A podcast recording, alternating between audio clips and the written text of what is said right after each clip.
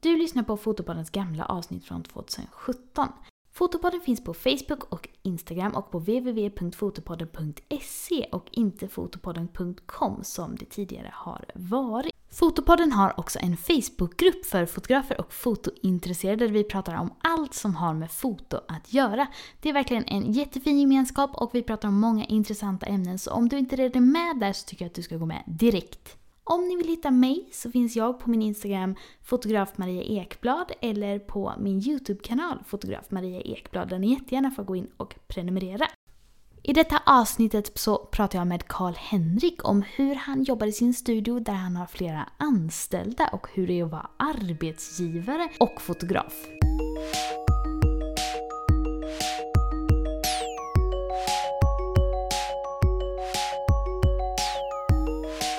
Och välkommen till Fotopodden! Idag så sitter jag här i min studio tillsammans med Karl-Henrik Trapp från Elite Studio. Välkommen! Tack. Om man eh, inte vet vem du är, Mm. vill du berätta lite om dig själv? Entreprenör sen födseln tror jag. Mm. Och eh, teknikintresserad sen tonåren. Det ledde mig in på fotografi. Och för eh, nio år sedan, är det så nu? Är det för år i år? 2017? Mm. 2009 startade jag Elite Studio. Så sen dess har jag väl jobbat som fotograf på heltid. Egentligen så var det att jag eh, flyttade upp till Norge av en ren slump 2007. Mm. Och eh, kände ingen. Hade foto lite grann som intresse och eh, lärde känna en kille på det här lagret jag började jobba. Körde truck. Och han var med i en lokal fotoförening där. Och eh, så för att lära känna någon i Norge överhuvudtaget så hängde jag med honom på de här fotoklubbsträffarna då och satt och diskuterade bilder med andra intresserade. Och de hade även en studio man kunde få låna då. Det 40 kronor om dagen fick man hyra den studion för. Då fanns det lite bakgrundsfonder som hade, det såg ut som en schweizerost de bakgrunderna för de var så slitna. Och gamla blixtar, jag hade inte en aning om vad man gjorde där överhuvudtaget. Och då började studiointresset komma lite grann så. Och sen dess har väl foto egentligen varit någonting jag hållit på med varje dag sen dess. På ett eller annat sätt då. Eh, tog en avstickare ner till Australien och levde i baklucka på en bil där i ett år och hade slumpen att få jobb som fotograf i Barriärrevet. Och när jag kom hem till Sverige så undrade jag, ska jag gå tillbaka till mitt gamla säljjobb som jag hade haft det ganska bra på men det var inte min dröm att jobba med det. Och eh, jag valde att jag ska fan med jobba med fotografi och jag ska leva på detta. Mm.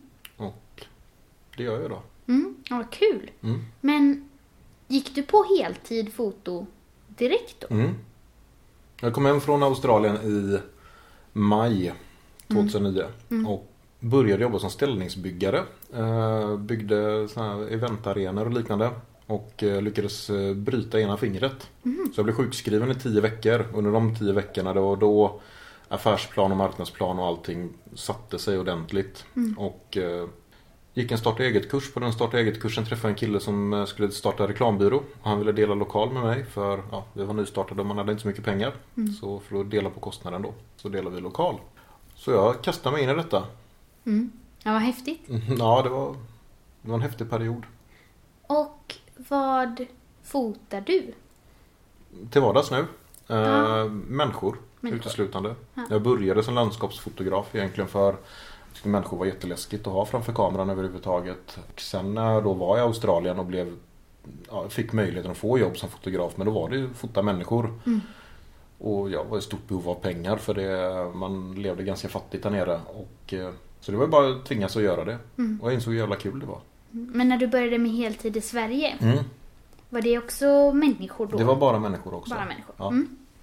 Och då alla sorters? Det var tänkt egentligen att eh, bli en eh, slags modell för en dagstudio från början faktiskt när jag drog igång allting. Där vi skulle få in riktigt duktiga sminköser, fotografer och ett kanonteam och jobba med ganska få kunder per dag och leverera en väldigt lyxig produkt. Mm.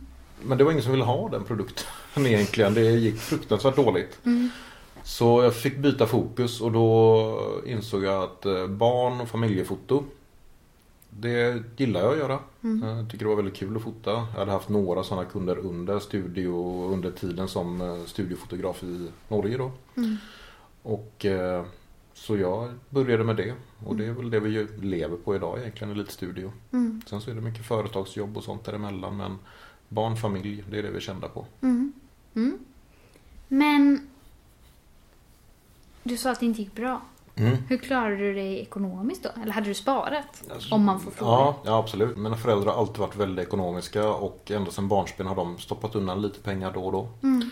Och egentligen i 18 månaders tid så plockade jag inte ut en krona från företaget utan jag hade totalt 6 500 att leva för varje månad. Det skulle jag klara då min hyreslägenhet och betala den. Mm. Ett gammalt lån, mat och kringkostnader egentligen. Så jag, hade en matbudget på 650 kronor i månaden. Mm. Det var en väldigt intressant period. Mm. Jag kan både älska, hata och sakna den och aldrig vilja vara med om den igen. Men det var väldigt lärorikt och det var bara att köra. Men då är man ju verkligen dedikerad. Mm. Om man ja, satsar så och Mm. har så. Jag kan nog vara lite med. enveten så. När jag väl Ja, har bestämt mig för någonting så, så brukar jag vilja få det igenom. Ja. Och det är bra i vissa tillfällen och dåligt i andra. Sen, Tjurskallighet kallar vissa det. ja. Målmedvetenhet. Mm. Sen, nu vet ju inte jag, men, men jag kan tänka mig också om man har levt i bakluckan på en bil i Australien, Mm. som du sa, Mm. och haft det ganska tajt där kanske. Då Mm. kanske det, man ja, kanske anpassat livet lite här hemma också. Eller kan jag ha förmåga att göra det? Australien var, var mer ett äventyr och när jag kom hem till Sverige så var jag beredd på en vardag på ett sätt. Så det mentalt okej. så var jag inte överens med att leva på det sättet på samma sätt. Nej, okej, nej. Men visst, alltså folk skojar om att de stjäl ketchup och toarullar från McDonalds. Jag stal ketchup och toarullar från McDonalds för att komma undan med några kronor i besparing. Mm, Faktiskt, för att bara få det att gå ihop. mm, För någonting jag hade bestämt mig med detta det är att eh, hade jag bett föräldrar och släktingar om hjälp ekonomiskt så hade jag säkerligen fått det. mm, Men jag ville inte. Det här skulle jag lösa helt själv. mm. Men hade du någon bortre gräns? Att så här, om det inte rullar igång till si och så. Nej, Nej. det skulle lösa sig. Ja. Det fanns inget annat alternativ. Mm, Så det, mm. så ja, Det är ju modigt ändå. mm, kanske det. jag, jag, jag tänkte inte så mycket på det utan det var bara det här ska lösa sig. Ja. Det får ta den tid det tar. Hur länge var du ensam i företaget? Mm, ensam anställd. eh, Företaget var ju en enskild firma först till en Mm. början. Och eh, av en ren slump så träffade jag en kille nere i Varberg som heter Peter. Mm. Jag skulle fota en kompis som skulle surfade och helt plötsligt kom det fram en kille i våtdräkt. Och han fick några bra bilder. Mm. Jag undrar vad det var för snubbe egentligen. Men det, det var Peter, det var så vi träffades. Och otroligt godhjärtad och var med och ställde upp för mig och för studion i vått och torrt. Och det var aldrig snack om pengar eller arbetstider eller något. Utan han gick in helhjärtat i detta. Mm. Och när firman sen kunde bli aktiebolag så blev han erbjuden en plats som ägare. Mm. Och då Peter var den första att bli anställd i företaget då. Vad hade han för arbetsuppgifter då? Vi delade väldigt mycket arbetsuppgifter och ansvar och det, det var att fotografera, hitta kunder, ta hand om kunder, Mm. redigering och leverans. Mm. Så allt Mm, ja, vi, vi var allt i allos. Det var, Mm. Vi får både fotade och städade och Mm. allt. Men hade du tänkt från början att du ville arbeta med anställda? Eller blev det så när han dök upp? Nej men det, från början var, var det tänkt på att jag skulle överleva på fotografin och, eller kunna leva på det. Överleva är inte så svårt men att, leva på det drägligt. Mm. Eh, och firman fick till slut den tillväxten som gjorde att jag kunde ha anställda och det var då det blev aktuellt med det och det var då i samband med det Peter också kom in för ju mer han jobbade desto mer kunder fick vi in. Så det var ju win-win åt båda hållen. Mm. Det var ett otroligt äventyr att köra studion ihop med honom faktiskt. Mm. Men hur lång tid tog det innan du hittade honom? Vi sprang på varandra ganska tidigt egentligen. Vi träffades första gången innan jag ens hade startat studion. Mm. Och eh, sen så hade vi kontakt med varann och var det vid något tillfälle som jag blev dubbelbokad. Där jag inte kunde hjälpa båda kunderna och då var Peter mitt förstahandsval och, och ringa och fråga kan du vara med och hjälpa till? Mm. Han hade företag, jag hade företag, han fick fakturera mig för det då. Mm. Eh, och sen blev det mer och mer sådana grejer och vi trivdes väldigt bra att jobba ihop med varann. Och till slut så var vi kollegor på heltid. Mm. Det växte sig fram. Ja, vad roligt. Ja, det var jätteskoj var det verkligen. Så det, ja, vi hade samma drömmar och visioner och Mm. målsättningar om firman och studion och fotografi Mm. egentligen. Det är väldigt intressant för det känns ju som att det här kan vara så himla ensamvarg Mm. arbete annars. Mm. Och mycket så här min kreation och min Mm. kreativitet och Mm. mina bilder och min vision eller så. Ja. ja, men så är det ju. Det, vi, har, vi har nog aldrig suttit på några speciellt höga hästar, vare sig Peter eller jag, i det. Mm. Utan vi utmanades egentligen av att ta bättre bilder och tävla med varann. Mm. Vem som kom hem med de bästa bilderna. Vi kanske var bokade på bröllop båda två samma lördag. Vem kom hem med de bästa bilderna? Mm. Så, det, så vi utmanade och utvecklades tillsammans. Mm. Det låter ändå väldigt roligt för då har man också någon liksom att så här luta sig mot eller peppa en eller... Ja, ja, väldigt mycket. Och även dela de tråkiga stunderna och sånt också. För det är inte bara Nej. glans varenda Nej. dag. Utan det är mycket slit och det var mycket övertid. Och ja, det kunde vara att vi jobbade ibland pass där i högsäsongen mot november-december. Jag tror vi båda jobbade om varannat 36 timmar i ett streck Mm. var. Så det var, ja, vi slet ihop verkligen. Mm.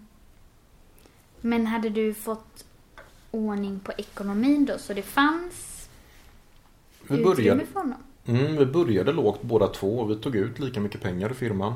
Eh, och eh, hade målsättning på att det här skulle öka allt eftersom egentligen då. Mm. Och eh, till slut så levde vi helt drägligt båda två. Mm.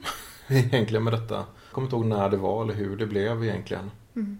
Det var vid Först så hade jag studion mitt på Drottninggatan, mitt centrala Göteborg. En liten lokal på 40 kvadrat som delade då med den här reklambyrån. Där satt vi ett och ett halvt år. Mm. Och sen flyttade vi till Majorna. Mm. Och jag var livrädd för flytten för då hamnade vi utanför stan, vad skulle, eller utanför innerst, Kärnan. ja, innankärnan. Vad skulle hända nu när vi hamnar utanför innerkärnan? Kommer folk tro att vi är seriösa helt plötsligt när vi hamnar i Majorna? Och under tiden vi står och köper våra nya möbler på Ikea som vi har sparat ihop till så ringer telefonen och det bara strömmar in bokningar. Vi, helt plötsligt så gick firman från att vi hade omsatt 450 000 tror jag vi hade omsatt på de första ett och ett halvt året. Så omsatte vi året efter i samband med flytten och allting så omsatte vi 1,7 miljoner. Mm. Och det bara vände över en natt. Men hade det med läget att göra? Det var inte så mycket det hade med läget att göra. Det var att vi hade drivit firman och fått mycket kunder som hade hjälpt oss. Vi hade hittat ett bra sätt att marknadsföra oss på. Mm. Och det var alla grejerna tillsammans som gjorde den här snöbolleffekten. Mm. Och sen dess så har det fortsatt så. Mm.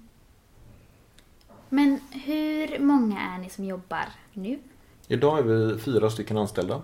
Fyra anställda? Ja, mig inkluderat då. Så det är två fotografer, Martina och Josefin. Mm. Så har vi Johan som jobbar i våra tryckeri. Mm. Och så jag då.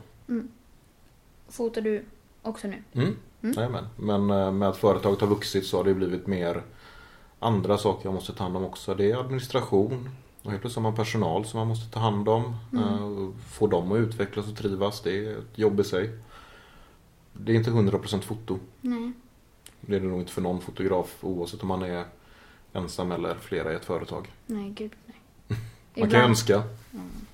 Det känns som att i början så trodde jag, och tror nog många, Mm. att det är ta bilder som är det främsta. Men det är ju egentligen en ganska Mm. liten del.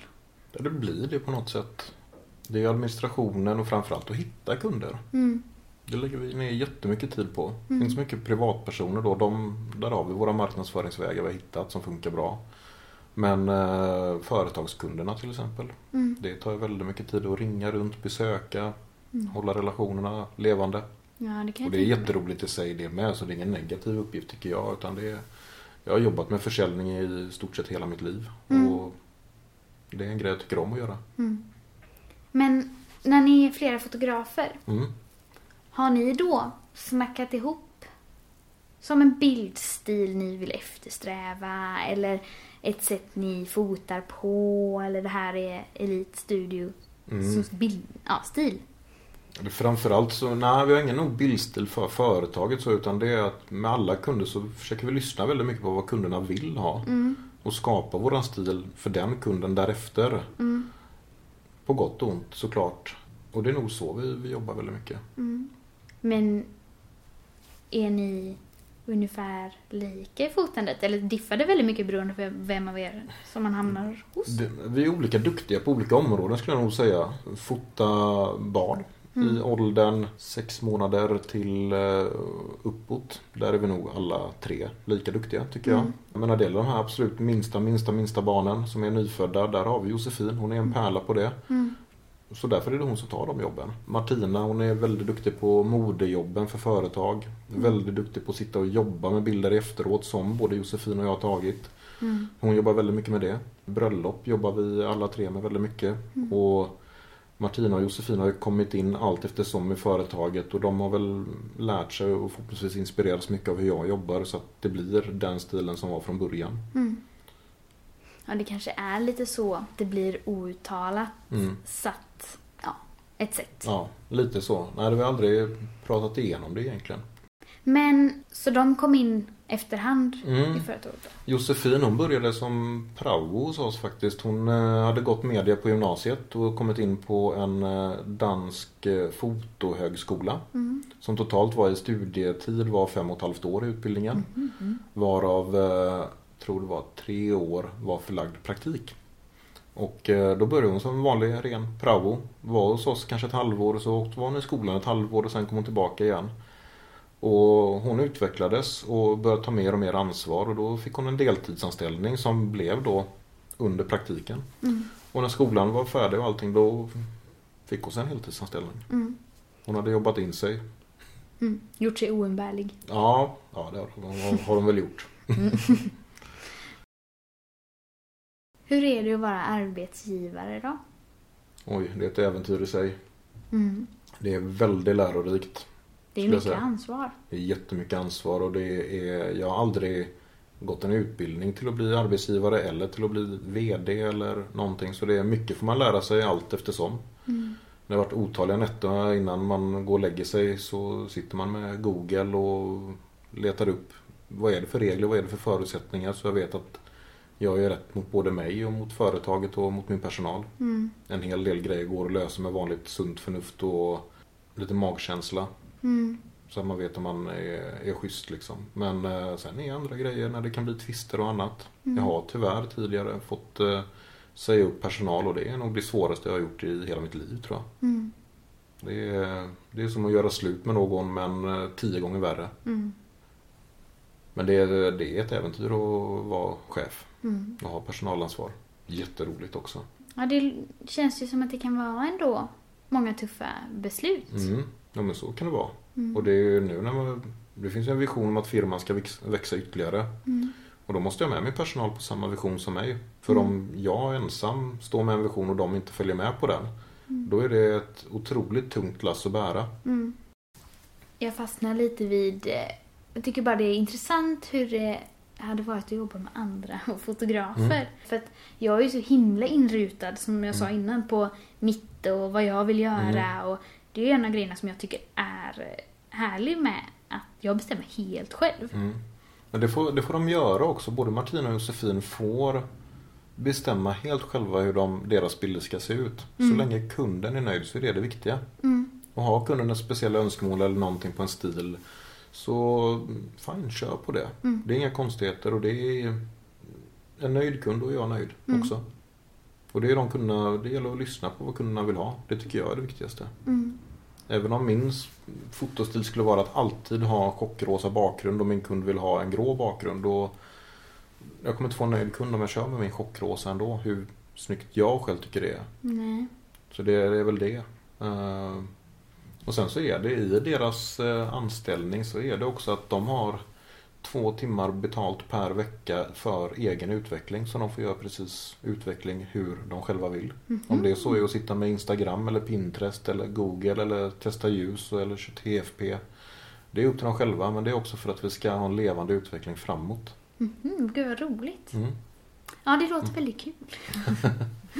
Ja, nej, men det ska vara kul att jobba. Det var väl därför jag började med fotografi egentligen som jobb. För när jag satt och bestämde mig 2009 när jag kom hem från Australien, vad är det jag vill syssla med? Mm.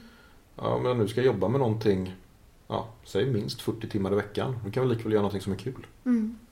Och foto tyckte jag var kul, eller tycker det är kul. Mm. Så det är bara att köra. Mm.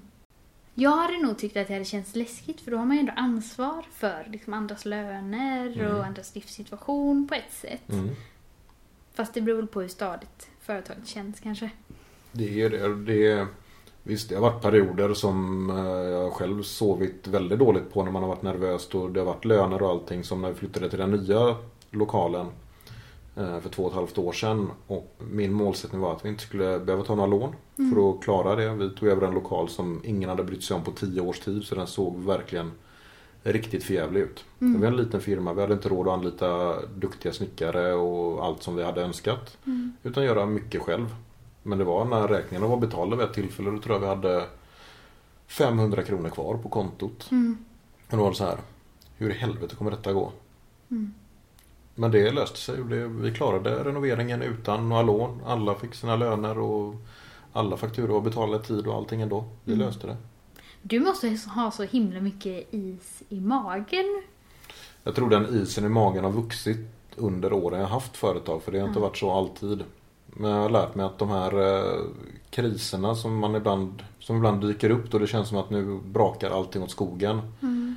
Det brakar inte åt skogen utan det är bara att ta det lugnt och lösa det och göra det, lösa det så bra som möjligt. Mm. Det är inte att alla situationer kan lösas på ett bra sätt men man kan alltid göra det bästa av det.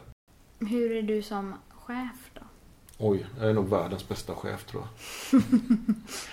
Mm. Jag försöker såklart vara så bra som möjligt. Jag vill skapa en... eh, Som sagt, jag började med fotografi för att jag vill ha kul i vardagen. Mm. Och jag skulle inte ha kul om jag har missnöjd personal. Mm. Och självklart är det ibland tvister i, i personalen, eller att vi inte är överens om allting. Men det viktiga där det är att vi pratar om det, har en dialog, en öppen dialog. Och det har jag alltid varit väldigt tydlig med till min personal att ni kan säga precis vad ni tycker och tänker och ni kan säga precis vad ni vill om mig. Mm. Vi sitter och har en dialog om det. Mm. Är vi inte överens så är vi inte det. Är det ett problem som går att lösa då löser vi det. Går det inte att lösa då får man välja om man kan leva med det och försöka bortse från det så mycket som möjligt. Eller så får man se om kanske en annan arbetsplats är aktuell. Mm. Att man inte funkar ihop. Mm. Och det har funkat bra. De är öppna och ärliga med vad de tycker och tänker om mig och jag är öppen och ärlig vad jag tycker och tänker om dem. Mm. Vi försöker köra kontinuerliga utvecklingssamtal som, som verkligen kan vara givande. Mm. Mm. Sen, är det, sen är jag människa och tar inte alltid världens bästa beslut heller såklart. Nej, men... Det, men min personal tillåter mig också att göra fel. Mm. Och det tycker jag är väldigt bra.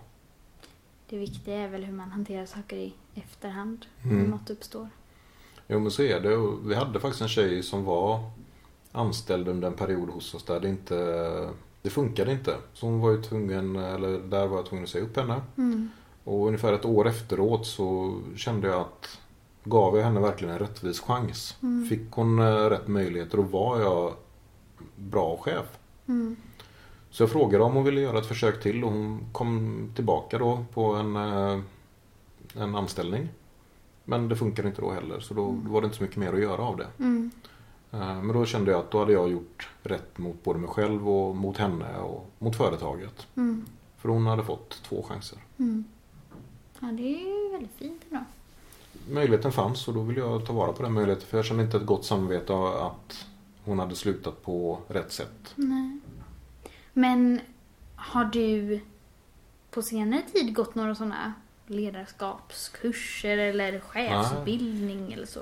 Det var 2012, 2013 tror jag det var. Då hade jag en, eh, en coach faktiskt som jag träffade Mm. eh, vid ett par tillfällen. Och det är väl den enda utbildningen jag gått så sett. Eller träffat någon professionellt och eh, pratat om det. Och det var väldigt, väldigt, väldigt viktigt för mig. För jag tror, eller jag var väldigt mycket med micromanaging. Jag skulle in och ha ett finger i allt som hände i företaget. Och jag hade både Peter som var anställd då och jag hade en annan praktikant som jag hade då, en långtidspraktikant. Mm. Ehm, och jag höll på att göra sönder både mig själv och företaget och det var när jag, han lärde mig att släppa dem fria Mm. genom fria tyglar som firman växte. Mm. Och jag kunde ju jobba hälften så mycket egentligen Mm. i det läget. För jag jobbade både min egna tid plus all den tiden det skulle ta att kontrollera dem vilket var helt i onödan för den gjorde ett bra jobb. Mm. Så det lärde jag mycket av. Sen så har det varit att jag genom att fota väldigt mycket företag, små som stora, träffat mycket andra VDR och ledare. Så jag har alltid ställt frågan vad deras bästa knep är och deras bästa tips är. Mm. Så jag har fångat lite russinen ur kakan. Mm. Ja, spännande. Jag tänker ju ändå att det hade varit kul på något sätt att vara lite flera. Mm. Men man får ju se. Det är roligare att äta lunch tillsammans än ensam i alla fall. Ja, precis. Om jag ska hålla på och brottas med min eh, lamineringsmaskin eh, för Ja. resten av livet. Ja, det är alltid delade problem är alltid enklare att ta, Ja. ta hand om också. Mm. Men har du hittat din personal längs vägen? Eller har ni aktivt varit ute och sökt att nu har vi en ledig tjänst hos oss? Nej, det har hittats längs vägen. Det var när eh, faktiskt när Martina kom in i företaget. Då var det så här, nu behöver vi någon ny i personalen. Och jag skulle göra en aktiv annons om det. Men då kom Josefin och sa att jag har en kompis som är jätteduktig fotograf och jättetrevlig. Så kan du ge henne en chans? Mm. Ja visst, det kan vi väl göra då. Mm. Så då började Martina i högsäsongen och jobbade vid behov. Mm. Och sen eh, behövde Josefin då gå tillbaka till skolan en period. Så då fick Martina ta hennes plats under den tiden. Mm. Och när Josefin kom tillbaka då hade lärt känna Martina så bra. Hon gjorde ett fantastiskt jobb så då fick hon en halvtid. Och sen blev det en heltid. Mm. Så det, hon växte in i det också. Hon har varit nu sen det är snart tre år till hösten är det som hon har varit anställd då. Mm. Du sa i början att det än så länge är Mm. en studio. Mm. Men är det med i planeringen? Att... Min vision är, eller mitt mål, det är att eh, om tio år ska jag driva tio studios runt om i Sverige. Tio! Mm. Jäklar! Så det, om allting går som det ska så kommer jag öppna två nya studios i år. Jaha! Mm. För när vi pratade någon gång för länge sedan Mm. så sa du, nämnde du en tio. Mm. Vad coolt. Man ska Ja. ju sikta högt. Ja, ja jag, jag gillar inte att drömma så mycket utan det är, det är mål. Mm. Jag är ganska enveten som sagt. Och eh, nu har jag en idé om att två studios är rätt öppna. Mm. Öppna på två andra orter än Mm. Göteborg då. Vad häftigt. Vad är det ni letar efter i andra fotografer? Om, ni, om vi ser Framförallt- potentiellt att ni Mm. skulle anställa någon. Mm. Framförallt är det passionen. Mm. Jag struntar i vad en fotograf har gått för utbildningar eller vad de kan sen innan eller vad de har för utrustning. Utan det är, jag vill få in folk med en brinnande passion för fotografi. Mm. Eh, Det är det absolut viktigaste. Mm. För de människorna, de kommer utvecklas vidare. De kommer ta hand om sina kunder. De kommer ha en yrkesstolthet i det de levererar. Det är det absolut viktigaste. Mm. Och kommer säga, jag har haft ett gäng anställningsintervjuer under åren och komma in och säga att man är störst, bäst och vackrast. Det är, ja, men bevisa det då genom att du verkligen gillar det du gör. Mm. Kanske är att du är det. Men den här passionen när man ser någon, man pratar om fotografi, man ser glöden i personen och du får dem inte att snacka. Mm. Att vara nörd är ett av de absolut finaste orden som finns tycker jag själv. Och någon som är fotonörd. Mm. Det inte- behöver inte vara rent tekniskt att man kan rabbla upp alla kameramodeller sen Jesus i kortbrallor men att man kan verkligen visa att man vill ta nya steg. Mm. Och det, jag vill ju få in andra personer som jag också kan lära mig eh, någonting nytt av. Mm. Eller hela företag kan lära sig där vi eh, växer tillsammans. Det är ju det häftigaste av allt. Jag tycker det var intressant du sa om eh, att det är viktigt att göra kunden nöjd Mm. och ta den bilden kunden vill ha. Jag tycker ju det till viss del. Mm. Men jag är ju ganska snabb med att skicka vidare fotograferingar som jag känner att jag inte vill göra eller gör. Mm. Till exempel många gravida som vill ha mörka bilder i studio. Mm. Eller stilrena bilder Mm. i studio. De skickar jag ju ganska snabbt till er. Mm. För jag tänker att jag gillar ju ändå att fota ute typ i solnedgången i en Mm. dramatisk klänning. Mm. Jag hade ju kunnat fota liksom i studion också men jag, Mm. jag har ändå valt ut det som känns roligast. Nej men så länge det är bilder som, som vi själva känner att vi kan stå för.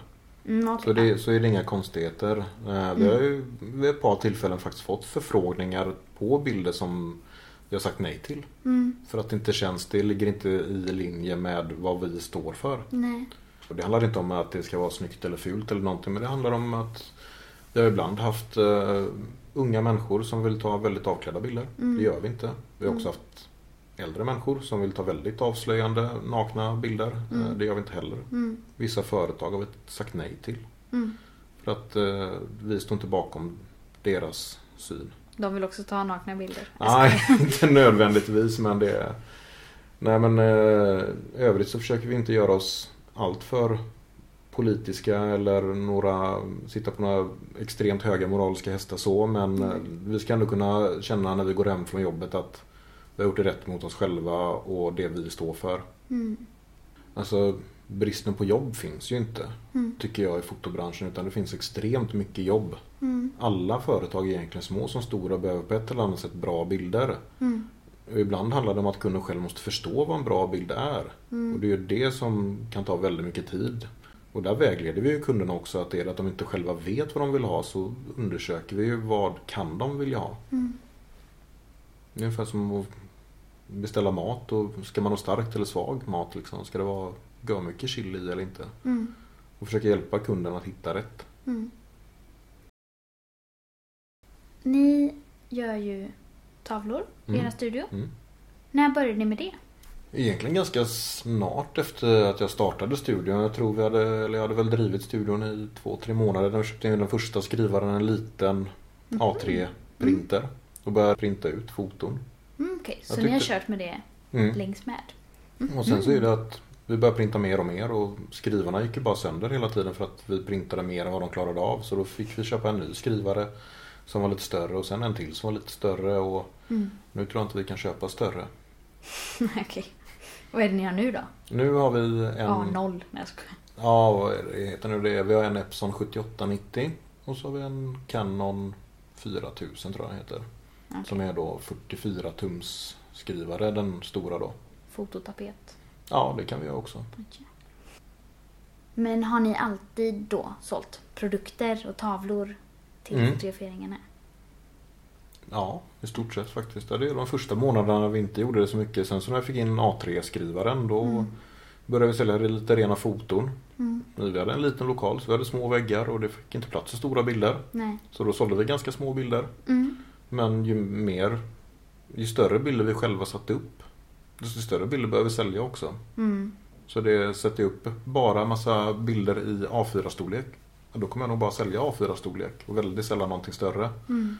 Nu har vi satt upp eh, tavlor som är 60 gånger 120 cm, 40 gånger 60, 60 gånger 90. Mm. Nästan det uteslutande vi säljer. Jag tänker att avsnittet börjar gå mot sitt slut. Mm. det har varit väldigt roligt. Det här är första gången jag är med i en podcast. Jag brukar alltid fråga om man har lite tips. Eftersom eh, många brukar ju sitta på bra erfarenheter och grejer. Mm. Om någon lyssnar, Mm. är fasen att de funderar på att anställa någon eller känner att de ska ta in fler? Mm. Har du några bra råd? När man anställer någon egentligen och tar in det så är, som du själv nämnde förut så är det ett väldigt stort ansvar. Och man får sidosätta sig själv i det. Och även om företaget har gått bra nästan ända sedan starten då att vi har vuxit sakta men säkert så har det ändå varit månader som inte gått lika bra. Då är det det att personalen går i första hand. Det är deras lön. Så det, då sitter man där igen med 650 kronor i matbudget. Mm. Det kan hända och det är bara att man får inse att det är, man har helt plötsligt någon som är viktigare än en själv. Det är som att skaffa barn. Jag tänkte precis det. Ja, ja men det är lite så. Mm. Du har ett otroligt stort ansvar om en annan människa Mm. som arbetsgivare. Och det är ett ansvar som man ska ta väl vara på. Mm.